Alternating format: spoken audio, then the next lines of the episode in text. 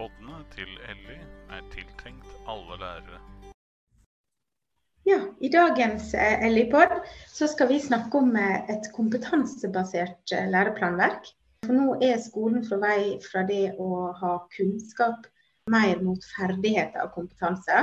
Og vi har invitert med oss Elise Farstad Djupedal, som vi er blitt så glad i her i poden vår. Nå har jo du veldig god oversikt over læreplanverk. Så hvordan har det endra seg? Ja, det er sant. Jeg kan jo starte med å si det at jeg er jo læreplanforsker, kaller jeg meg først og fremst. Jeg skriver en doktorgrad om endring i timeplaner, men det er jo en del av læreplanen. Så jeg har ganske god oversikt tilbake i tid, men var jo også med i den gruppa som var med og laga læreplanen i samfunnskunnskap på videregående. sånn at akkurat den prosessen rundt fagfornyelsen kjenner jeg jo også litt fra innsida, da. Selv om jeg ikke var med på hele prosessen med fagfornyelsen. Som du sa, så har vi jo det læreplanverket vi har i dag, det beskrives jo ofte som kompetansebasert. Noen kaller det også ferdighetsbasert, men det beskrives ofte som at det er retta mot kompetanser. Og det betyr jo at man har forlatt det at konkrete faktakunnskaper er nevnt i læreplanverket. Så jeg pleier Jeg sier noen ganger på sleiv så sier jeg at det er fra kunnskap til kompetanse, men altså alle læreplanverk vektlegger jo kunnskap og forskjellige typer kunnskap. Så det er nok riktigere å kalle at det er fra faktakunnskap og benevnelse av faktakunnskap til noen større kompetanser. Som er da beskrivelsen fra egentlig 1997. Det er siste gang vi har hatt eh, faktakunnskaper nevnt. Det ble endra i 2006 til en mer sånn kompetansebasert, og så videreført og endra litt nå i 2020. da.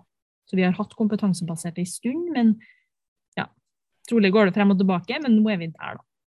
Ja, og så sitter jo vi da og leser det her. Og prøver liksom å finne ut av kompetansemålene og læringsmålene, og hvordan skal vi plassere det. Og da, da er jo handlingsrommet veldig, veldig stort når man skal begynne å definere kunnskapsinnhold. Og så vet jeg at det er mange diskusjoner som går veldig på hva skjer da i et lærerkollegium og i et profesjonsfellesskap på en skole i Finnmark? Versus en skole i Kristiansand. Siden de lokale forholdene vil være helt forskjellige. Sammensetningen av lærere på teamene vil være helt forskjellig. Forestiller jeg et team med veldig sterke realfagslærere og, og ingen, ingen praktisk-estetiske lærere. Hva vil de vektlegge i sin innholdspakke? Hva vil fiskerne oppe i Tromsø f.eks., hva vil de se på som viktig. Altså, det er jo litt spennende da, å se om hva det her bringer. Altså, hvor står skolen om ti år? Kan vi det er jo som du sier, så er det, eh, det er en stor forskjell i hvordan målene er, er, formulert. og Jeg pleier egentlig alltid å starte med å, å nevne noen sånne eksempler, sånn at, liksom, at lyttere liksom henger med på hva er vesensforskjellen. For noen kan jo tenke at er det her bare sånn skolepolitisk glasur? Som jeg noen gang kaller det, altså litt sånn glazing på toppen, eller er det en reell endring? Og hvis du tar f.eks. Eh, læreplanverket fra 1997, da, L97 som det ofte kalles, der står det f.eks. i samfunnsfag, jeg tror det er fra tiende trinn, at elevene skal arbeide med konflikter og valg som førte til de to verdenskrigene. Sånn at Det vil da si at du skal jobbe med de to verdenskrigene. Det er ikke noe tvil om det at det vil være undervisning, som du sier, i Finnmark, Arendal, Trondheim om to verdenskriger. Hvis du følger læreplanverket, selvfølgelig, men i læreplanverket står det i hvert fall det, da. Og så står det også å gjøre seg kjent med gangen i krigene. Det legger jo veldig opp til undervisning som skal ta deg gjennom hele krigen. da. Og så vurdere konsekvensene. Ok, Så det var litt mer fluffy, men verdenskrigene er liksom soleklart nevnt. da. Og så Hvis vi sammenligner med det som står i nå, så står det jo da gjør greie for årsaker til og konsekvenser av terrorhandling og folkemord som holocaust, og reflektere over hvordan ekstreme holdninger og ekstreme holdninger kan forebygges. Og et friskt øye, skal jeg si, eller friskt øre, vil jo se det at det står jo som holocaust i det målet nummer to, men i utgangspunktet så kan du velge deg en borgerkrig i Afrika, du kan velge deg kanskje ikke fornorsking av Jeg må se litt om det tja, terrorhandling og folkemord. Jeg vet ikke helt, men du kan velge deg terrorhandlinger og folkemord egentlig som du vil. det er ikke spesifisert at det må være andre verdenskrig. Sånn at det er en ganske stor forskjell. Og hvis vi tar norskfaget, der i hvert fall de norsklærerne jeg snakker med, bruker jo ofte sitt eget fag knytta til litteratur som eksempel på det her. At i 1997 så sto det at elevene skulle arbeide med et utvalg forfattere, og så står det f.eks. Henrik Wergeland, Arne Garborg og Inger Hagerup, og så er det nevnt en rekke flere. Mens i dag så står det Det er mange kompetansemål da, det går an å velge mellom, men i dag så står det f.eks. å lese skjønnlitteratur og sakprosa på bokmål og nynorsk, og i oversettelse fra samiske og andre språk, og reflektere over tekstens formål, innhold, sjangertrekk og virkemidler. Så det her er jo fra ungdomsskolen. da. Men der, ikke sant, i den siste jeg nevnte, der, så er det jo ingen verk nevnt. Så jeg kan jo velge ei bok som jeg har en kjempeopptur over og har kjempetrua på undervisning, mens kanskje du eksempel, velger Arne Garborg eller noe annet. Så her er jo et veldig godt eksempel på det du sier, at det er jo nettopp det. Da. Det er et stort handlingsrom lokalt. Og jeg i hvert fall mener at det både har noen fordeler og det peker på noen utfordringer. Men der kan jo kanskje du også si litt om hvordan utfordringer dere kjenner på i skolen, eller hva tenker du er liksom utfordringer med det her? Er det variasjonen, eller er det Det er litt sånn todelt. fordi at nå, Det første som, som, som plager meg personlig da, når jeg snakker med andre, og som jeg òg hører er litt sånn felles, er jo det at vi har alltid forstått skolen som hva kan man si, leverandøren av en felles kollektiv kunnskap. Dette er det du kan når du er ferdig på skolen. Du vet at det har vært andre verdenskrig, du vet hvem Inger Hagerup var, Altså, du har lest noen dikt av Bjørnstjerne Bjørnson, så du har en felles referanseramme. Gjerne når man kommer ut og hører det drypper i vann og, og det, det diktet f.eks., så er det sånn Ja, det husker jeg vi hadde. Det, jeg vet hvem som har gjort det. sant? Så, så, så vi frykter jo litt den kanskje kunnskapsløsheten. Og det jo, kan jo være helt ubetinga frykt. Jeg ser for meg, hvis jeg møter noen i mitt virkelige liv som ikke vet at andre verdenskrig har skjedd, fordi det var ikke det som ble nevnt. Så vil jeg bli litt eh, skyggeredd, for å si det sånn. Så, så vi, vi, frykter litt den der delte fellesskapet, da. Som, som, jeg i hvert fall tenker at et samfunn skal ha. En, en kunnskapsbase. Dette vet alle.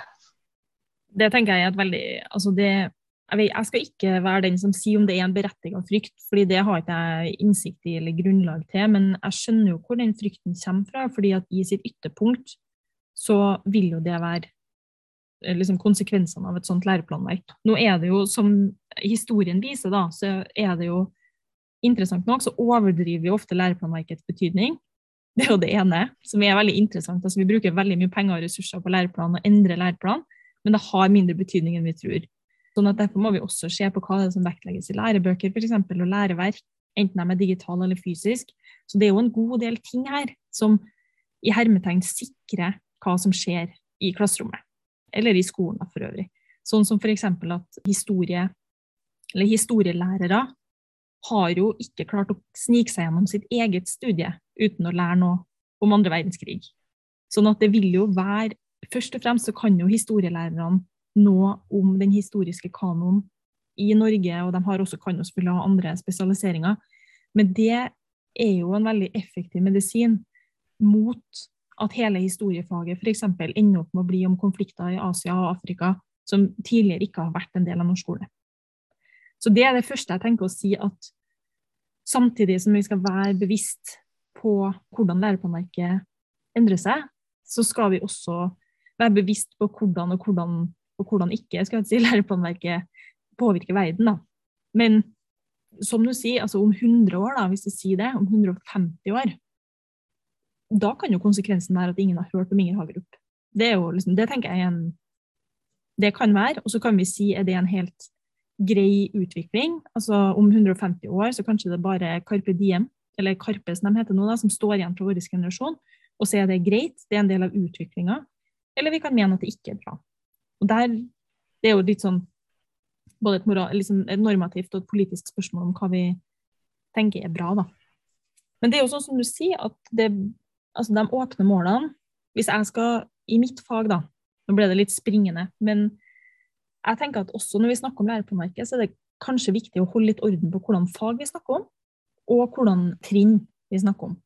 Fordi at jeg har jo min primære undervisningserfaring fra samfunnskunnskap på videregående, altså 16-åringer. Og der har jeg tenkt at hvis jeg klarer å legge til rette for undervisning som spiller opp under deres interesser, der de klarer å bruke altså sine De er jo snart de er på vei til å bli voksen, de er interessert i masse forskjellige ting som er kjempespennende, og de begynner å kunne nok til å måtte, være med på veldig gode og spennende både samtaler og diskusjoner om de her temaene med andre voksne. Så Der har jo jeg tenkt ok, jeg må klare å tilrettelegge for deres interesser, at det får lov å blomstre i mitt fag. Og helt konkret så ga det seg f.eks. utslag i da jeg hadde siste runden jeg hadde om velferdsstat. Da hadde jeg en som eh, jobba med livstidsstraff og Norges farligste mann. Han, eh, hva heter han, Utsi. Og så hadde jeg noen som jobba med digitalisering av Nav, og bestemor som ikke fikk heva pensjonen sin. Og Her fikk jeg brukt elevenes ressurser på en veldig god måte i mitt fag. Men her er jo da mitt privilegium som videregående lærer, det er jo at noen har gjort en jobb i forkant, sant? i grunnskolen. At de kan noen basic ting. De har hørt om velferdsstat. De vet at vi har et politisk system. Så jeg har nok også blitt litt mer bevisst på at den problemstillinga her om handlingsrom, den ser veldig forskjellig ut. Hvis du snakker om f.eks. det grunnleggende i småskolen, på mellomtrinnet, eller hvis du snakker om ja, valg av fagtekst på videregående, da. Fordi da er jo egentlig sagt litt enkelt noen andre har gjort jobben da, før jeg tar over. Og også da kan jeg jo si at det vil være forskjellig fra fag til fag, tenker jeg. At jeg har erfaringer med fra samfunnsfag, da, som det het før. Samfunnskunnskap, som det heter nå. Det tenker jeg er et fag som åpner for utrolig mange spennende temaer. Det vil være veldig unødvendig hvis jeg innsnevrer tematikkene altfor mye. Men hvis du tar et fag som historie, f.eks., er det, der, er det viktig i historie at vi har en mer sånn kanonisert historieforståelse, eller er det nettopp viktig at vi åpner for nye historier? Altså, jeg skal ikke blande meg inn i de fagdidaktiske greiene der i andre fag, men jeg klarer i hvert fall å se at problemstillinga kan variere både fra trinn, trinn, til trinn og fra fag til fag. Da. Kanskje skal det ikke være så mye sjølvalgt i matematikk, f.eks. Men kanskje har det en mer naturlig plass i samfunnsfag? Ja, det, det går jo litt eh, på fag også, tenker jeg at det går jo litt òg på Spesielt på, på, gjerne på barnetrinn. Der tenker jeg man, man er litt trygg. Altså, hvis, I den grad man kan si man er trygg. For der, der, må man lære å skrive, og der må man lære å regne, og der må man lære å lese.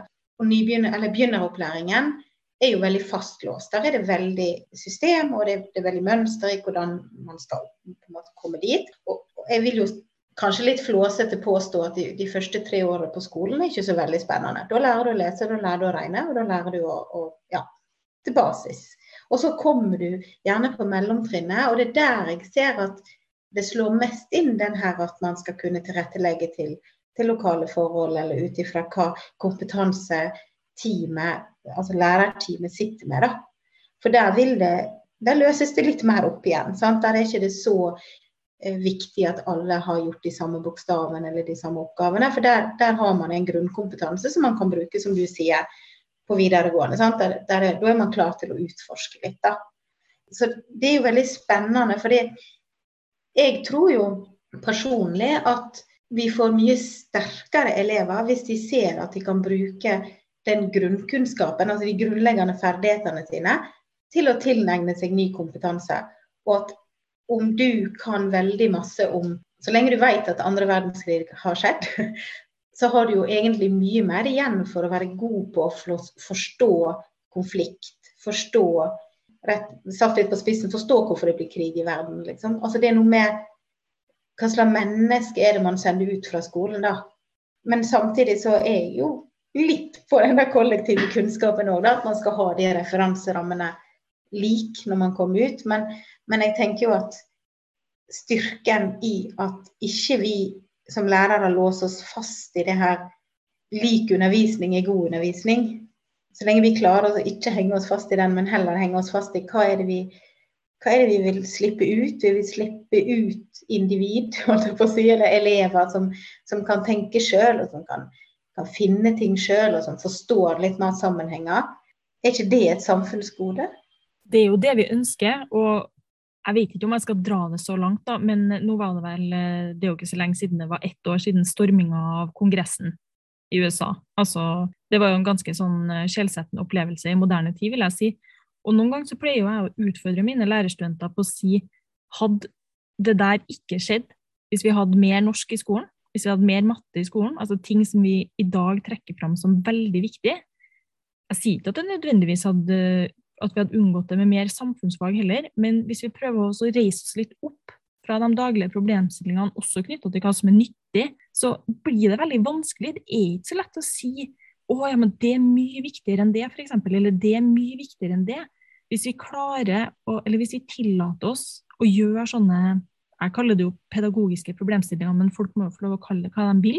Men hvis vi tillater oss å stille spørsmålene så åpne som de er, så blir svarene også veldig vanskelig. Og det tenker jeg noen gang på når jeg syns at folk står og, sagt veldig enkelt, tviholder på en faktakunnskap som de mener at skolen må prioritere høyest, da pleier jeg å tenke at nå gjør du spørsmålet så enkelt at svaret òg blir veldig enkelt. Ikke sant? Når folk stiller for spørsmålet skal ikke vi lære lille gangetabell i skolen, så blir jeg sånn Det har aldri vært spørsmålet. Og for øvrig så gjør altså Det er en sentral del av matteundervisninga, så det er på en måte et ikke-spørsmål.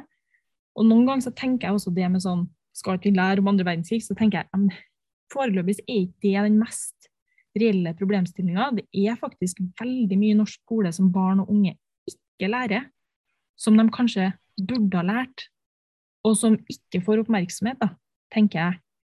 Jeg så senest i går, det var delt i lærergruppe, tror jeg, på Facebook, at det var en elev som hadde spurt da, om det fortsatt finnes eh, samer i 2021.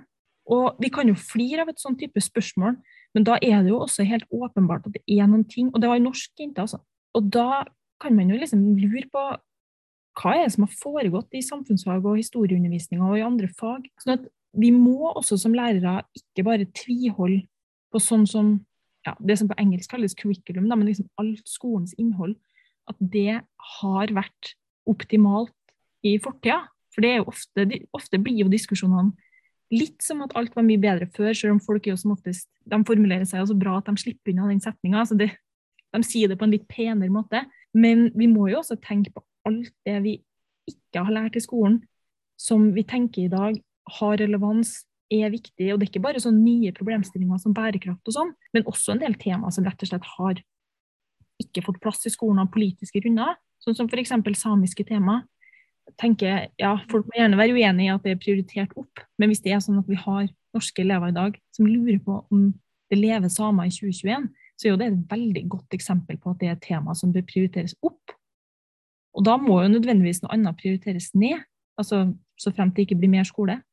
Sånn at vi som lærere må klare å hvert fall stille spørsmålene såpass stort, sånn at de blir reelle, og ikke bare lage sånne utrolig små problemstillinger om det eneste som er viktig i verden, og så ender vi opp med at ja, tenk hvis elevene ikke skal lære om stortingsvalg. Og jeg bare, Det er ikke en reell problemstilling. Det er ikke det det handler om. De lærer om stortingsvalg. Og Der er vi jo kanskje inne på noe av det som, som du òg mener noe om, og det er jo dette her med pedagogisk praksis. Altså hvordan utøver vi fagene våre? Hva er det vi For man har jo ofte tro på at, at noe er rette måten å gjøre det på.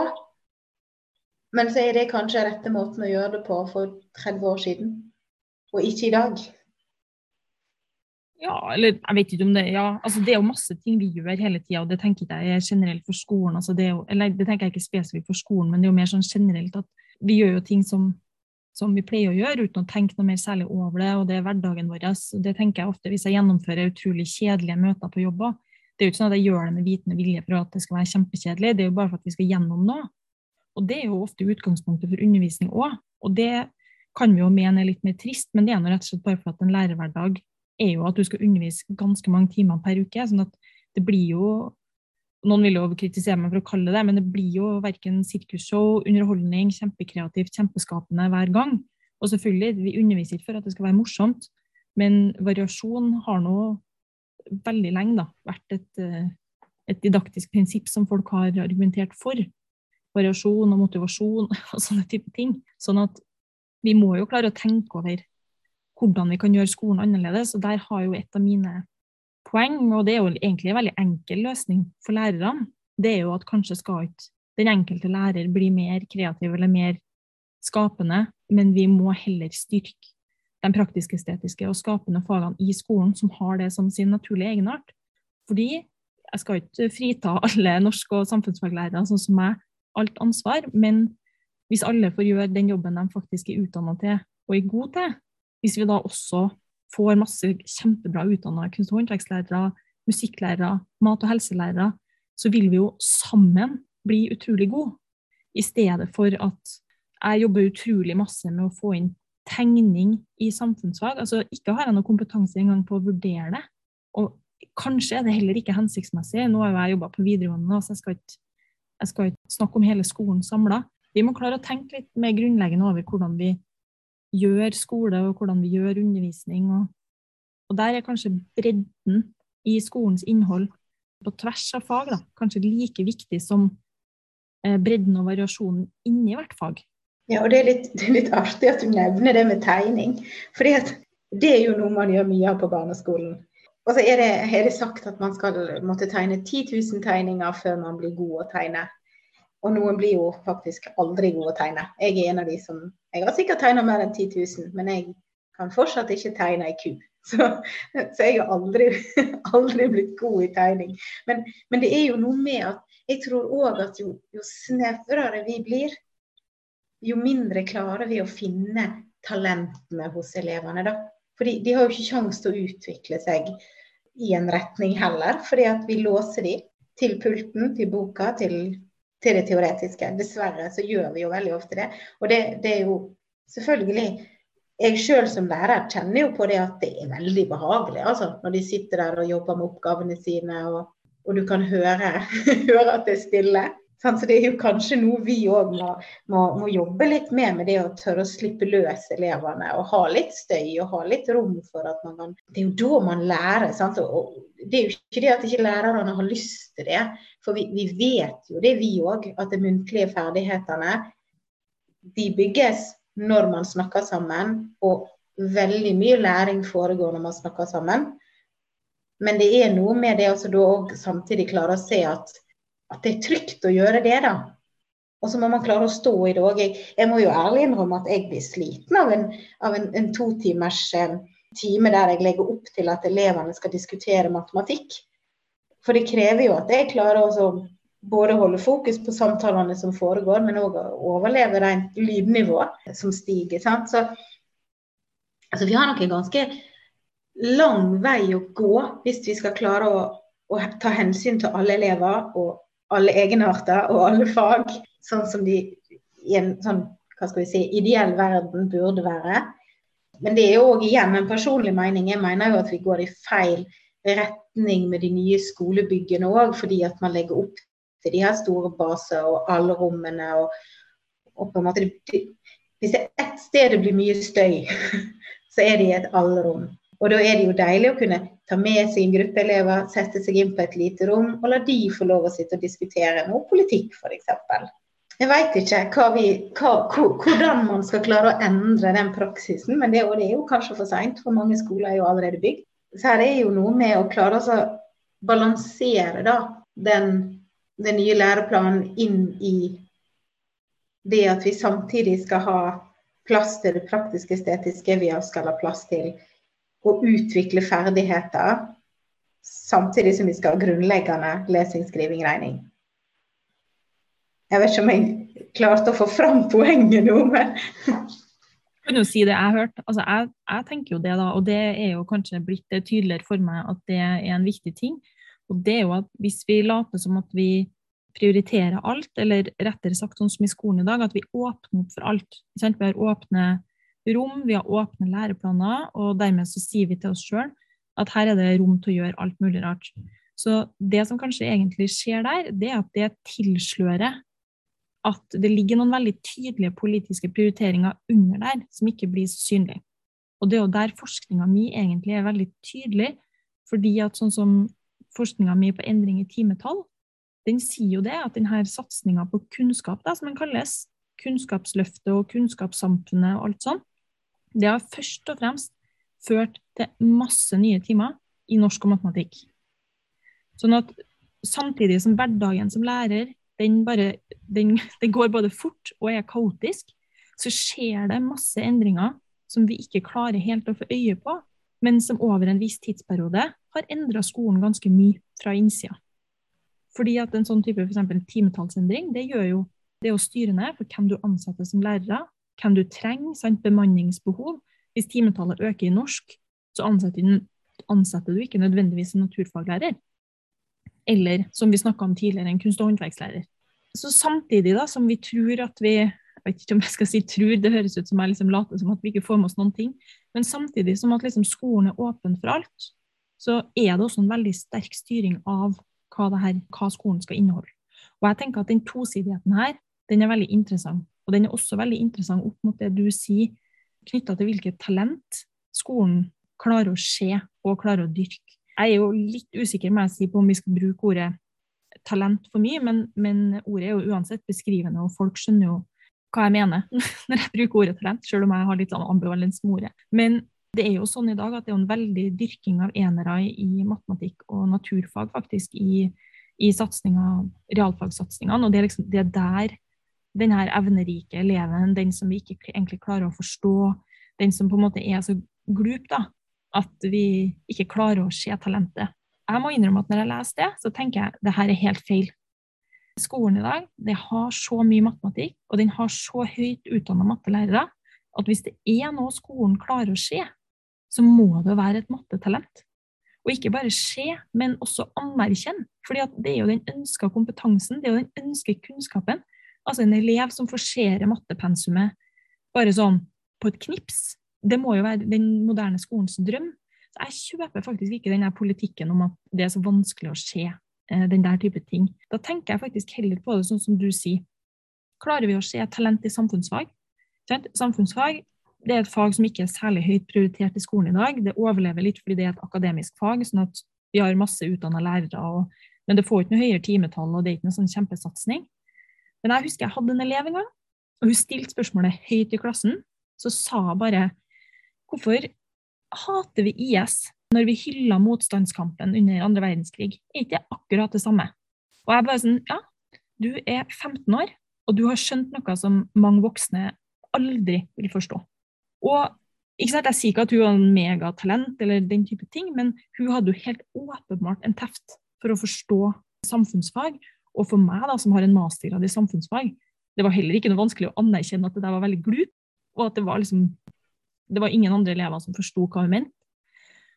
Og så Samfunnsfag er nå én ting, da, men hvis vi utvider til å da tenke på talent i kunst og håndverk, et kunsttalent, musikktalent I forbindelse med masteroppgaven min så intervjua jeg jo masse elever som hata skolen.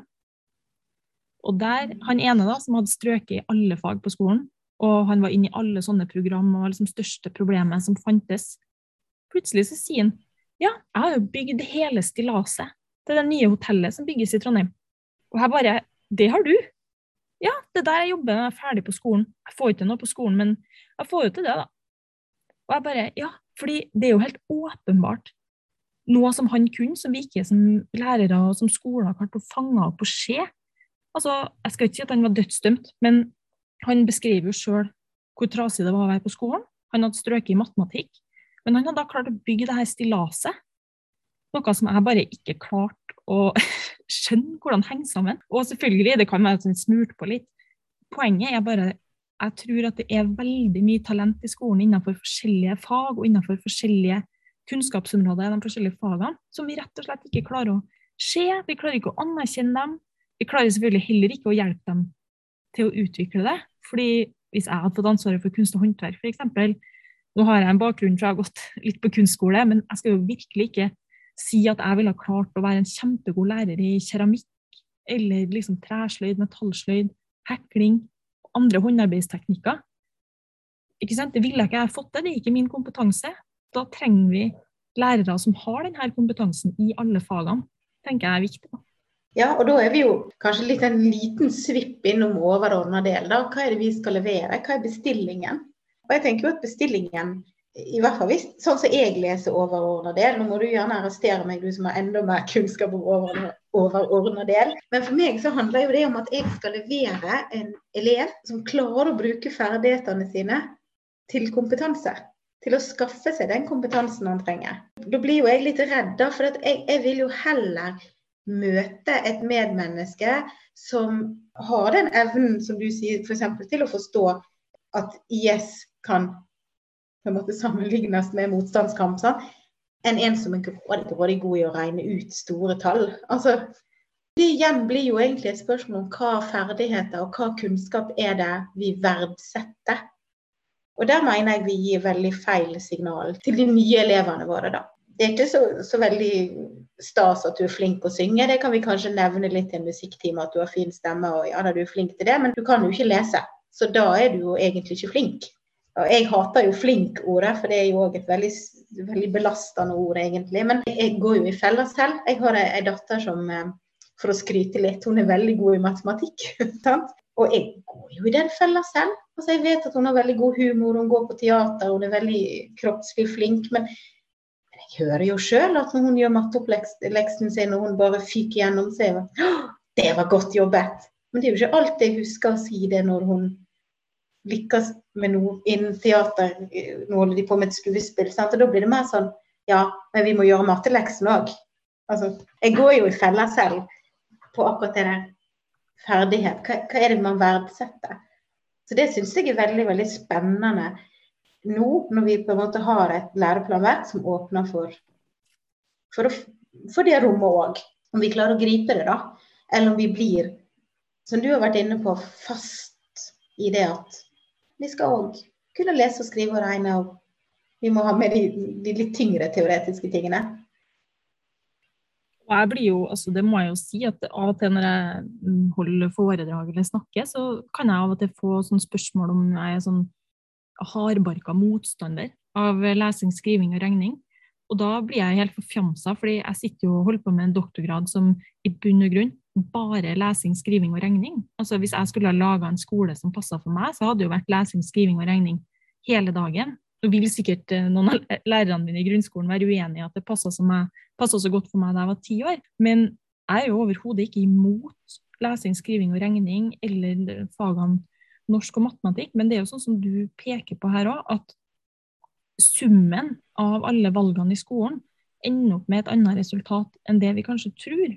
Altså Det å f.eks. ha et helt kollegium da, med samme kompetanse, det gjør oss, altså det gjør oss ganske svak. Eller det gjør oss eh, ganske lite rusta for, hvis vi skal kalle det, skolens totale oppdrag. Hvis vi alle sammen er mennesker som kan nesten det samme i møte med elevene. Det blir vanskelig for oss å se forskjellige elever, anerkjenne dem. Det blir også vanskelig å finne på forskjellige ting. Det blir veldig vanskelig å få, da f.eks. i grunnskolen der du har mange fag, det blir vanskelig å få kompetanse i alle fagene, fordi de lærerne som er der, er utdanna bare innenfor de samme fagene. Og så viser jo min forskning at timetallet økes i bare noen fag, så da ansetter man flere norsk- og mattelærere. Og sånn kunne jeg fortsatt. Og det er jo ikke fordi at det ikke er bra med god norsk- og matteundervisning. Det, det fins ikke noe bedre, liksom. Men summen av de avgjørelsene tror jeg skaper andre problem. Og det er jo der f.eks. det kan være litt sånn oppfriskende å stille seg spørsmålet om elever f.eks. Blir de bedre i norsk av å ha så mye norsk i skolen som det er i dag? Eller ender det opp med at de blir drittlei i niende? Og det er jo, altså, jeg skjønner jo at det er ingen politikere eller andre som ønsker at elevene skal bli drittlei, men vi i hvert fall som jobber med utdanningsspørsmål, må klare å stille oss noen andre spørsmål enn at det her bare handler om å lære mer eller å lære mindre i enkeltfag. Fordi alle elevene er jo ja, et helhetlig sammensatt menneske med forskjellig talent, og som f.eks. reagerer veldig forskjellig da, på å ha ja, norsk og matematikk veldig mange av dagene i uka. Det er jo bare et eksempel, men en ensidig skole kontra en bred skole, det kaller liksom på flere spørsmål enn at det bare er sånn Å, så du er ikke så opptatt av matematikk, du? det er liksom ikke det som er problemstillinga mi. Og litt for ofte så syns jeg at folk, det sa jeg jo i stad òg, stiller for enkle spørsmål om skole. Og det gjør også at svarene da, blir enkle, men kanskje blir de feil. Fordi det var liksom spørsmålet i utgangspunktet som var litt på tverke eller for smalt eller ikke gyldig. F.eks. om norske elever er for dårlige i matematikk. Så blir jeg sånn, Det kan vi godt diskutere, men det er jo en rekke spørsmål om norsk utdanning som vi kunne ha stilt forut for det. I stedet for å hoppe inn i det. For hvis vi starter med det spørsmålet, da blir faktisk svaret at vi må ha flere timer i matematikk, flere utdanna mattelærere. Og da har vi, med å stille spørsmålet sånn, så har vi egentlig gitt svaret på forhånd. Men hvis det heller handler om et helt annet spørsmål, hvordan kan skolen gi mer læring for flere? Hvordan kan begynneropplæringa bli mer inkluderende i grunnskolen? Altså, da plutselig blir svaret også noe helt andre ting, og der kan det også kanskje skje, da. Hvilke kompetanser er det vi mangler for å lage en inkluderende og bred skole? Hvilke fag er det vi har nedprioritert over lang tid? Oi, kanskje vi skal børste støv av keramikkrommet? Ærlig tror ikke at keramikk nødvendigvis redder framtida. Er sånn at jeg tror at halvparten av skolens elever vil jobbe med keramikk i framtida. Men keramikk kan være et grunnlag selvfølgelig for mye i skapende fag. Men det er også noen som kommer til å være en vinner i keramikk, som kanskje ikke trivdes i samfunnsfagtimen rett før. Så vi må liksom klare å se på det her på andre måter, og som heller ikke bare handler om umiddelbar nytte. Da. At matematikk er viktig fordi da får du deg en jobb. Sånne type ting. Det er også en helt søk tanke når barna er åtte år. Ja, og da tenker vi er inne på noe som, som, ofte blir debattert, og det er jo det her med frafall på videregående. Eller så søker man ikke på videregående, alt dette sånn. Og det handler jo ofte om at det har ikke vært en såpass bredde da, på den skolegangen den eleven har hatt, at de har funnet at jo, men jeg kan jo veldig mye. De er jo kanskje allerede der så hva skal jeg si, desillusjonert av egne, av, på egne evner at de ikke ser at ja, men du kan jo bli mye, du. Altså, du, du har helt sikkert noe du er veldig god på. Det er bare det at skolen for deg har ikke klart å finne det du er god på. Og hvis, hvis det hadde vært, som du sier, læring for flere eller større bredde, så ville man kanskje ha funnet hva den eleven var god på. og Den ville opplevd mestringen. Den ville opplevd at skolen er jo positiv for meg òg. Og dermed kanskje kunne man forhindre det frafallet. Man kunne forhindre den, det synet da på at nei, jeg kan jo ingenting. Så jeg har jo ingenting på skole å gjøre. For det er jo veldig mange ungdommer, og, og, og spesielt gjerne unge voksne, som sliter med. At de, de Jeg er jo ikke god på skole, jeg. Og det er jo veldig, altså Vi som, som lærere må jo stille oss spørsmålet om i hvert fall mener jeg det er et riktig spørsmål, så kan jo andre være uenig, men hvorfor har vi en skole som er mye smalere enn elevmangfoldet på den ene sida, men også mye smalere enn antall muligheter i arbeidsmarkedet. Altså Arbeidsmarkedet er faktisk relativt bredt. Hvis du spør folk hva de jobber med, og det pleier jo jeg ofte å gjøre, da. jeg pleier å spørre hva folk jobber med, og så pleier jeg å spørre hvordan utdanning folk har, for å høre alle historiene. Og det som da er interessant, fordi nå hørtes jeg kanskje litt sånn elitistisk ut, altså at jeg var veldig opptatt av høyere utdanning og sånn, men hvis vi ser på statistikken, så er det jo 36, hvis jeg husker rett, av Norges befolkning som har høyere utdanning. 36% Altså, Det vil jo da veldig enkelt si at det er over 60% av Norges befolkning ikke har høyere utdanning. Og det, altså, det syns jeg er et utrolig jeg må få lov å si spennende tall. Fordi det vil jo si at vi mest sannsynlig er altfor opphengt i og opptatt av høyere utdanning. Og at ofte, da, hvis jeg f.eks. begynner å snakke om dem som ikke har høyere utdanning, som en gruppe, da, det er jo da 60% av Norges befolkning, så er det veldig kjapt alltid noen som stiller meg et spørsmål om utenforskap. Og da tenker jeg sånn, ja, fordi folk med høyere utdanning da, de klarer ikke å se for seg noe annet enn at de som ikke har høyere utdanning, altså 60% av Norges befolkning, det er utenforskap. Som at du nesten ikke står i arbeidsmarked, du klarer kanskje ikke å stable på plass en familie. Så det er noe interessant med hva er det vi klarer å se for oss av muligheter. Og lærere er jo da faktisk i den gruppa som har høyere utdanning.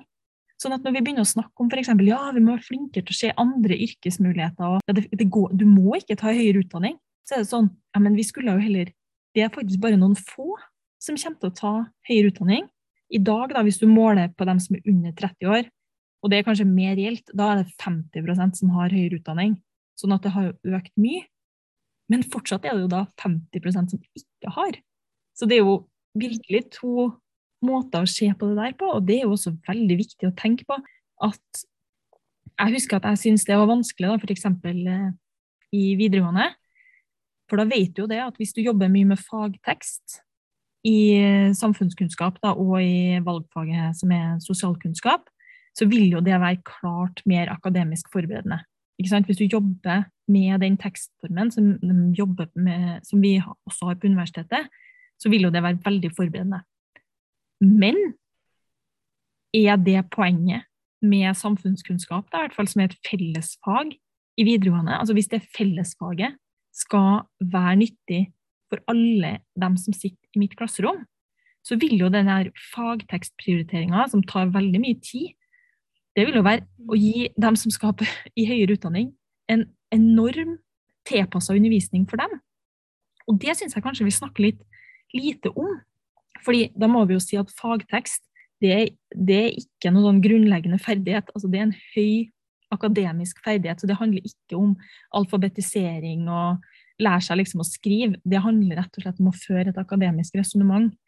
Og det her syns jeg, da, må jeg si, er er veldig interessant, og kanskje snakker vi faktisk litt lite om hvor mange det er som ikke har høyere utdanning. I hvert fall når jeg spør mine lærerstudenter hvor mange i Norge som har høyere utdanning, da er det den som har svart høyest, har svart at det er 80% som har høyere utdanning i Norge.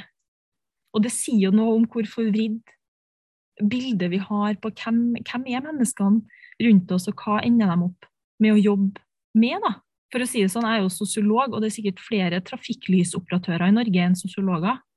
Men skolen er likevel kanskje mest tilpassa sosiologen, da. sagt litt sånn litt flåsete og litt sant.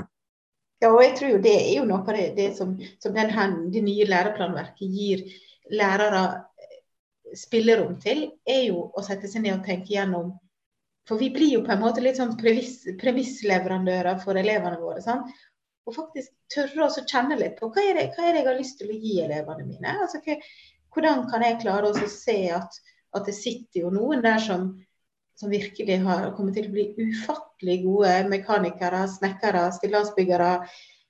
Og jeg kommer jo til å trenge det. Det er jo ingenting som er mer pinlig. Altså, nå, nå er jeg heldigvis litt praktisk anlagt, men du har jo akademikere som ikke kan skifte et dolokk. Altså, det, det er fascinerende. For da, da er vi på ferdighetsnivå. Eh, så, så, det er jo noe med det her å tørre da, å bruke læreplanverket nå, da. Hva er det jeg vil at, at mine elever skal sitte igjen med når de er ferdig på skolen, rett og slett. Ja, og der kan jeg kanskje avslutte med Jeg vil si at jeg syns det er et fantastisk sitat fra ei som jeg eh, kom i kontakt med i Trondheim, faktisk var det i Melhus utenfor Trondheim, og som eh, vi snakka, hadde en prat om skole, og hun sa det aller viktigste på ungdomsskolen det er ikke hva lærerne er utdanna i, sa det er, Jeg pleier å spørre dem om hva er deres superkraft? Hva er deres liksom, interesser og evner da, utenfor studiepoengene som kan bidra til en merverdi i skolen, og som på en måte kan skape full effekt også av studiepoengene deres, selvfølgelig. Men sånn hadde du fått lærerne til å begynne å bruke ikke sant, alt de kan. Selvfølgelig var det en lærer som hadde sånn sopp- og nyttevekstkurs. Det var du forteller om strikking. Og da ble plutselig kompetansen i personalet en helt annen enn den på papiret var. Og kanskje, særlig i grunnskolen, så vil det være en måte å klare å gjøre skolen bred, og også klare å, å utnytte potensialet da, i det kompetansebaserte læreplanverket som nå foreligger. Fordelen er jo at vi er borte fra faktakunnskap. Det bringer med seg en del utfordringer, men samtidig er det jo noen ting her som vi også kan profitere på, og fortrinnsvis prøve å faktisk lage en mer både relevant og variert skole for elevene. Det syns jeg skal få lov å bli eh, siste, siste innspillet. Eh, jeg takker deg veldig masse for at du tar deg tid til å være med oss. Alltid spennende å høre på deg, og jeg håper at lytterne òg har plukka med seg noe de kan ta med seg inn i klasserommet for å å skape litt bredde. Skape litt engasjement hos elevene istedenfor å, å bare sitte og skrive eller bare sitte og gjøre matematikken. Men tørre å ta litt tilbake i styringen der. Takk skal du ha. veldig spennende å snakke med deg.